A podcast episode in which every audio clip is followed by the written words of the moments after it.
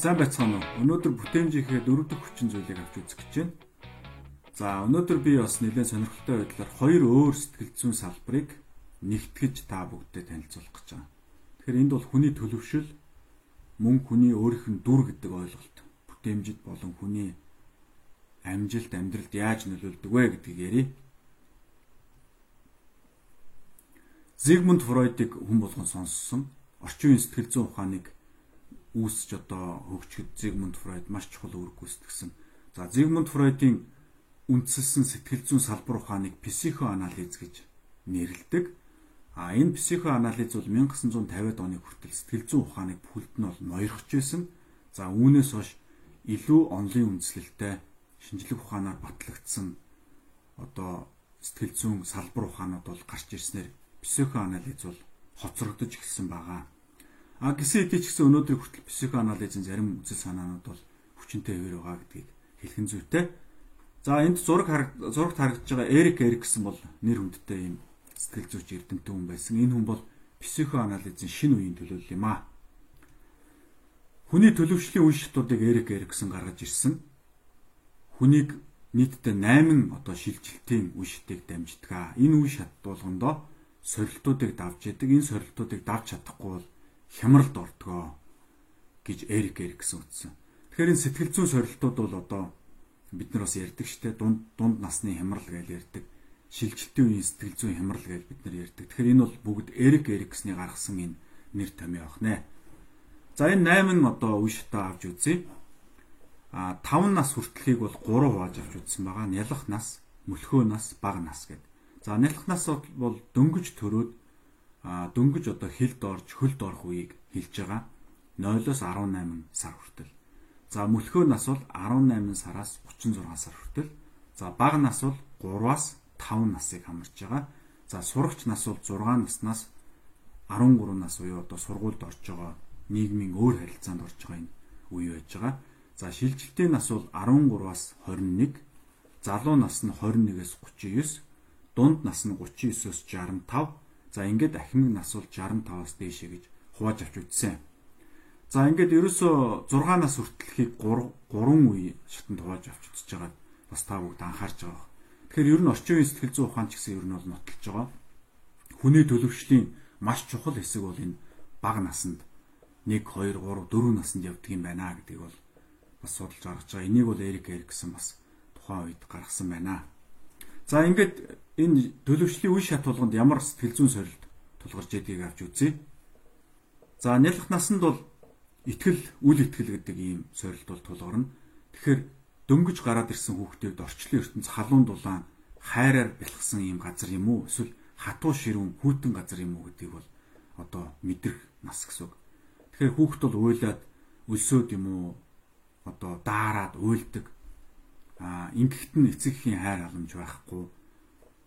Тэр чигээр нь үйлүүл ойлуулад одоо орхиод хаяад хайр халамж мэдрүүлэхгүй байвал тэнд бол орчлон ертөнц бол хатуу ширүүн газар юм байна аимшигтай газар юм байна гэсэн ийм ойлгоц төлөвшил хүүхдэд төлөвшж эхлэх нь байна. За мөлхөө насанд бол одоо хөлд ороод бас а тодорхой хэмжээнд хилд ороод ингээд явж байгаа ийм үе байгаа. Энэ үед хүүхэд бол бие даахыг оролдож эхэлнэ а би даах уу хараат байх уу гэдэг ийм сонголт тулгарна. Тэгэхээр одоо алхаж ч болохгүй, унд чин тийшээч явж болохгүй, тэгжиж болохгүй гэдээ ерөөсө тасралтгүй загнаад тасралтгүй хөдөлгөөн юмыг хориод байх юм бол энэ үеийн хүүхдүүд юу гэж одоо төлөвшгүй гэхээр ер нь хараат байдалтай болж эхэлнэ. Өөртөө итгэлгүй болно, би дааж чадахгүй болно гэсэн. За энийг бас та бүгд эцэг эхчүүд сайн анхаарч харж байгаа хаа гэж бодож байна. Эмээ өвнөр ч гэсэн бас харах хэрэгтэй бид нар одоо хүүхдээ хөлд орох гэж явж байгаад унчих вэ гэж одоо айгаал ерөөсөө бараг л хөл гарын хүлэх нь холгүй байдаг. Энэ бол маш буруу бахнэ. За бага нас 3-аас 5 нас. Энэ үед бол одоо үеийнхээ хүүхдүүдтэй цэцэрлэгт орж тоглох наадах ийм нас байгаа. Тэгэхээр бусад хүүхдүүдтэй тоглоомоо хуваагаад санаачлаг гаргаад төрүүлж очиод танилцаад одоо тоглох уу эсвэл бусад хүүхдүүдээс ичиж зүхтаах уу гэдэг ийм сорилт бол тулгарнаа. Тэгэхээр санаачлаг гаргаж одоо сурах энэ ямиг нь бол өөгшүүлэх дэмжих ёстой. Тоглоомоо хуваадаг. За бусад хүүхдүүдтэй одоо зодтолдож муудалцахгүй харин найз нөхөр болдог. Энийг нь бол эцэг заах ёстой байдаг. Яагаад тэгэхээр энэ бол ирээдүйд маш чухал үл үлдээдэг. За сурагч нас сургуульд дөнгөж орно. За багш нарын одоо хайртай шав болох уу? Эсвэл одоо өөртөө ихтгэлгүй ангийнхаа хүүхдүүдэд гологдсон шовдор ийм хүүхд болох уу гэдэг бол энэ үед бол шийдэгднэ. Тэгэхээр эцэгчүүд энэ үед бол маш анхаарал одоо сонор сэргийг байж хойноос нь дасгалжуулж а итгэлтэй болох те анги хамт олон багш нартай хүлээн зөвшөөрөгдөхөд нь туслах ёстой. За шилжилтийн нас бол одоо 13-аас 21 нас байгаа. Энэ үед бол би хин юм бэ? Би юу нь ямар учиртай юм бэ? Хороо дэлхийд би яах гэж төрсөн бэ гэдэг асуултын хариултыг маш их идэвхтэй хайдаг ийм үе байгаа. Энэ үед одоо өөрийнхөө дүр төрхийг олж чадахгүй бол төөрөлддөг. Ийм чухал үе байна. За ингээд 21 наснаас эхлээд бол одоо хайр дурлал уу, ганцаардлуу гэдэг ийм сорилт тулгарна. Энэ үед одоо найз нөхдөөрөө хүрээлүүлж одоо өөрийнхөө амьдралын хань болох энэ хүнийг олох юм чухал нас ингэж чадахгүй бол хүн бол одоо ганцаардаж бусад хүмүүсээс зүхтаасан юм ийм байдалтай болдог бахнэ. За ингээд 30-аад нас өнгөрөөд ажил төрөлтөө боллоо, гэр бүлтэй боллоо, хүүхэдтэй боллоо, ажилдаа нэлээд гарчлаа. Ингээд дунд насанд орно. Дунд насанд бол хүн бүтээмж буюу залуу үедээ одоо өгч, нийгэмдээ одоо өгч, ажиллаж байгаа компани байгууллагатаа өөрийнхөө үн цэнийг оруулж, өөрийнхөө авяас чадварыг гайхуулсан ийм үе байх хэвээр. А ингэж чадахгүй бол зогсон байдалд орно. Зогсон байдалд орсон хүн бол одоо амьдрал гутарна. За депресс, стресст орно. Хамт олонтойгоо таарамжгүй болно. Гэр бүлийн одоо уур уцаартай гэр бүл салалт руу одоо хөтлөх ийм маш одоо олон сөрөг үзүүлэлтүүд гарах нэ. За 65 нас хүрээд одоо хөдөлмөрийн нас дуусна. Гавьяаныхаа тэтгэврт гарна. Энд бол одоо бас дахиад хоёр өөр сонголт байгаа. Энэ бол нэг бол төгсөрн хувь хүнийхээ хувьд одоо төгсөрч төгс хүн болно. Эсвэл цөхрөлтийн байдал шилж байна. За тэгэхээр ямар хүн цөхөрдөг вэ гэхээр одоо энэ өмнөх бүх төлөвшлийн үе шатуудаа бүтлгүүтсэн а сорилтуудаа давж чадахгүй дандаа энэ одоо сөрөг сэтгэл зүйн хандлага руу шилжиж орсон хүн бол өөрийнхөө амьдралыг дүгнж үзнэ.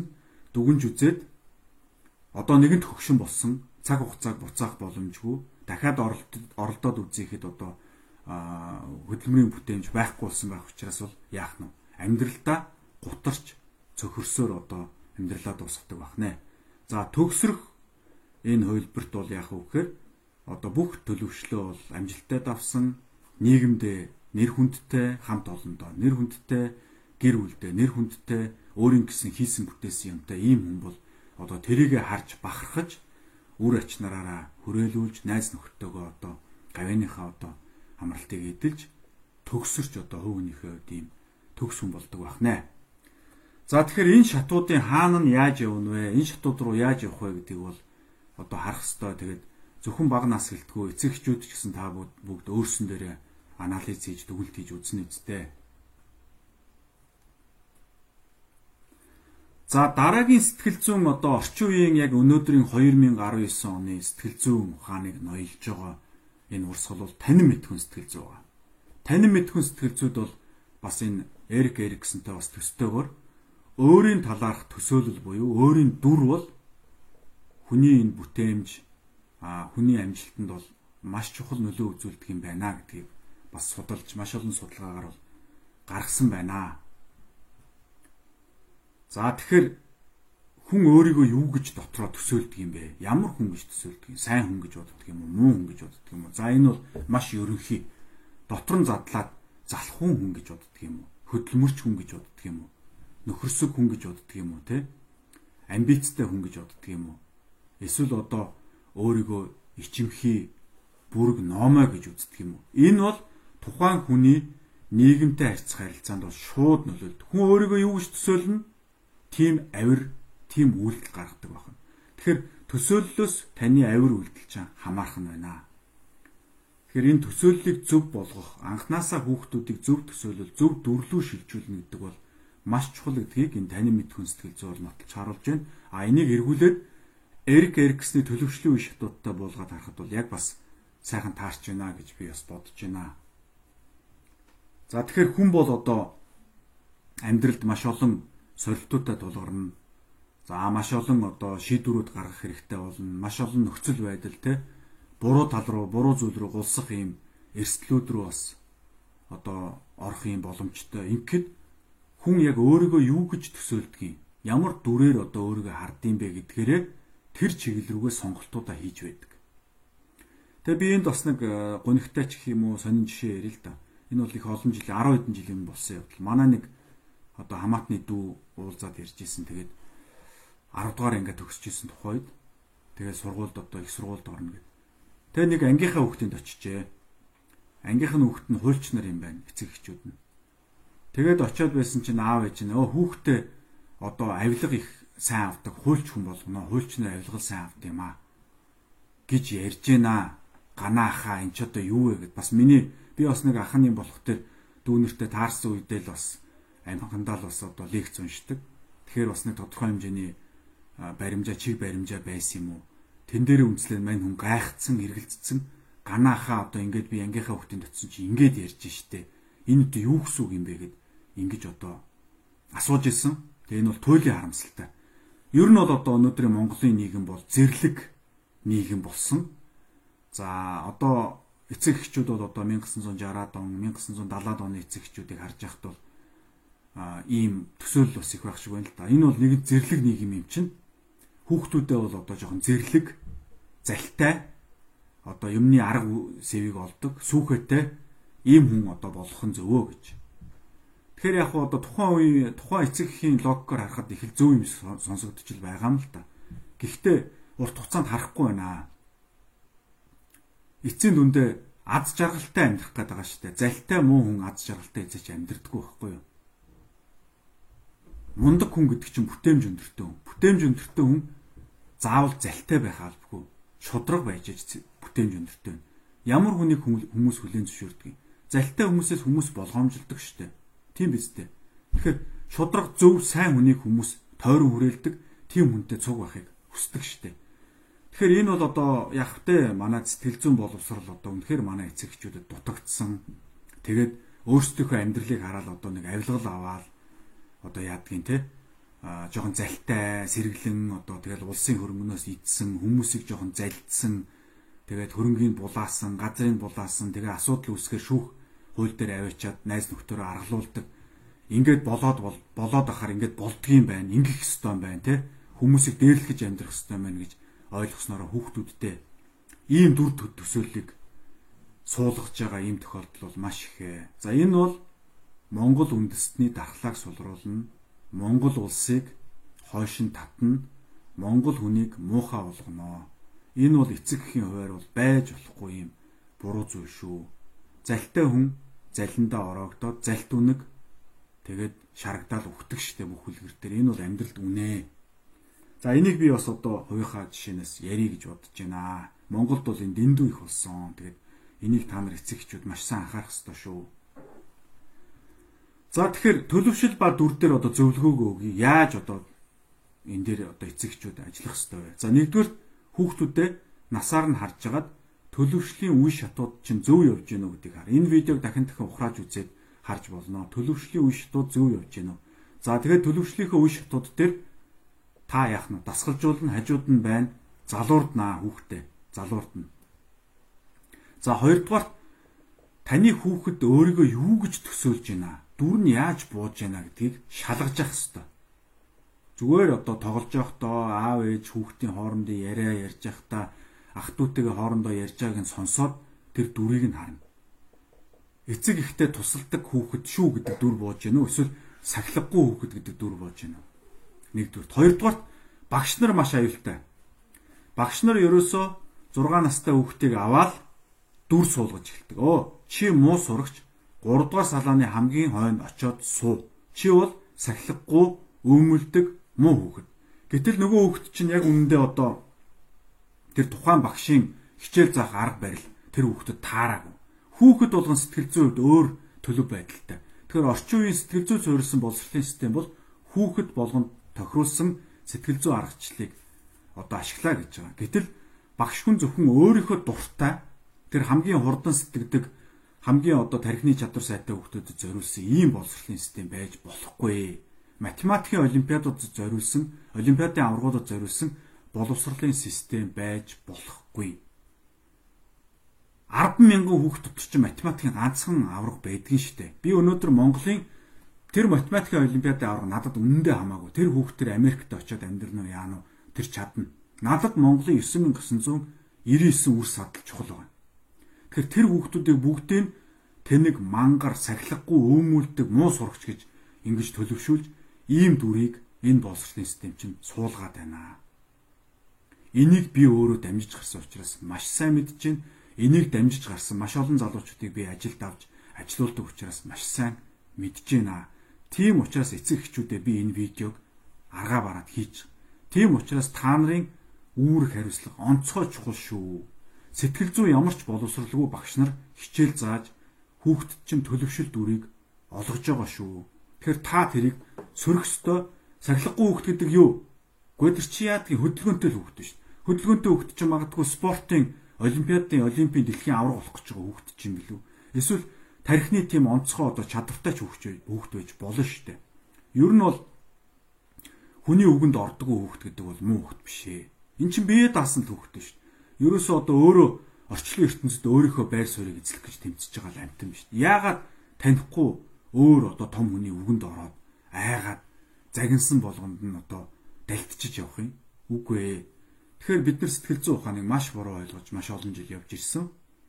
Тэгэхээр энэ дээр одоо таны хүүхдэд хинч тийм буруу дүр төлөвшөл оноох ёсгүй шүү. Энийг сайн шалгаарай. Тэр сургууль дээр нь очиод багш нь хүүхдүүдтэйгээ яаж харьцаж байгааг бол үзэх хэрэгтэй. Мэдээж энэгээр би маш олон сайн багш нар байдгийг үгүйсэхгүй. Би өөрөө багшийн гэр бүлд одоо төрж өссөн 3 4 удмаараа багш хүний одоо хүүхд хүний мэдээж багш хүний ажил ямар хэцүү байдгийг мэднэ. За тэгэд түрүүн би ярьчлаа. Төрүүлээд а шудраг хүн болгосон тийм дүр хүүхдэд суулгах гэдэг юм уу? Эсвэл энэ нэг аимшигын нийгэм араатналаг одоо нийгэм рүү Монгол улс орчлоо л доо. Тэгээд хамгийн том лидерүүд нь хамгийн сайхан үлгэр дуурайл үзүүлдэг. Телевиз засаа хамгийн бузар муухай имийг яах нь хамгийн өндөр албан тушаалтай одоо ард түмний итгэж сонгосон хамгийн мундаг хүмүүс нь үзүүлж өөрийн биеэр одоо үлгэр дуурайл үзүүлж идэг. Залчин байхад буруудахгүй гэдэг дүрийг бол энэ нийгэм бүхэлдээ суулгаж байна. Энэ сошиал медиа, энэ одоо хэвлэл мэдээллийн хэрэгслэр бол ийм л дүрийг л суулгаж байна. Гэтэл социализмын үед яадаг байсан? Нийгмийн сайн сайхныг нийгмийн зөв хүмүүсийг гаргаж алдаршуулж бичдэг байсан. Өнөөдөр сайн сайхан зөв хүнийг хэвлэл мэдээл бичгээ байсан. Яагаад? Яагаад тэгэхээр хэвлэл мэдээл зөвхөн мөнгө төлсөн хүний ямиг л гаргадаг болсон. Тэгэхээр хэн мөнгө төлж хэвлэл мэдээлэлээр өөрийгөө магтуулах вэ? Залжин сүүхэттэй хүн л магтуулна ш. Зөв шудрах хүн өөрийнхөө одоо PR-ыг хийх гээд мөнгө төлөөд мөнгө бариад хэвлэл мэдээлэл рүү явах уу? Явахгүй дээ. Тэгэхээр өнөөдөр хэвлэл мэдээлэл хүртэл одоо ингээд нийгмийн сэтгэл зүй гутааж байгаа, унгааж байгаа. Хэвлэлийн эрх чөлөө гэдэг одоо буруу зүрх ойлгосон юм дээр хэвлэлийн эрх чөлөө гэж юм байна. Гэхдээ эн чинь хоёрдугаар асуудал. Нэгдүгээр хэвлэлийн үүрэг хариуцлага гэдэг юм ярьдаг. Ардчсан нийгэмд нэгдүгээр үүрэг ярьдаг, хоёрдугаарт эрх ярьдаг юм аа. Тэгээд одоо харамсалтай 90 оноос хойш бид нар ардчлалыг буруу ойлгосон. Үүрэг гэж юм байхгүй, эрхэл гэж юм байдаг гэж ойлгосноос одоо ингээд 30 30 дахь жилдээ ингээд зовоод явж гин. Аа би ингээд одоо сэтгэл зүйн мэрэгжлийн биш огт хүн ингээд сайн дураараа сэтгэл зүй судлаа та бүгдээ ямар сандаа ингээд видео хийгээд сууж аргаал барсан. Гэхдээ та бид нар хамтраад тэмцэн улс орноо өөрчлөнө л гэдэг ихтгэл дүүрэн байгаа. За ингээд амжилт хүсье. Та бүгд одоо өөрсдийнхөө хүүхдийн төлөвшил дүр ямар хөө байгаа, энэ дээр яаж ажилласан туршлагуудаасаа бас бие биендээ хуваалцаарай, комент хийээрэй, шеэрлээрэй баяртай.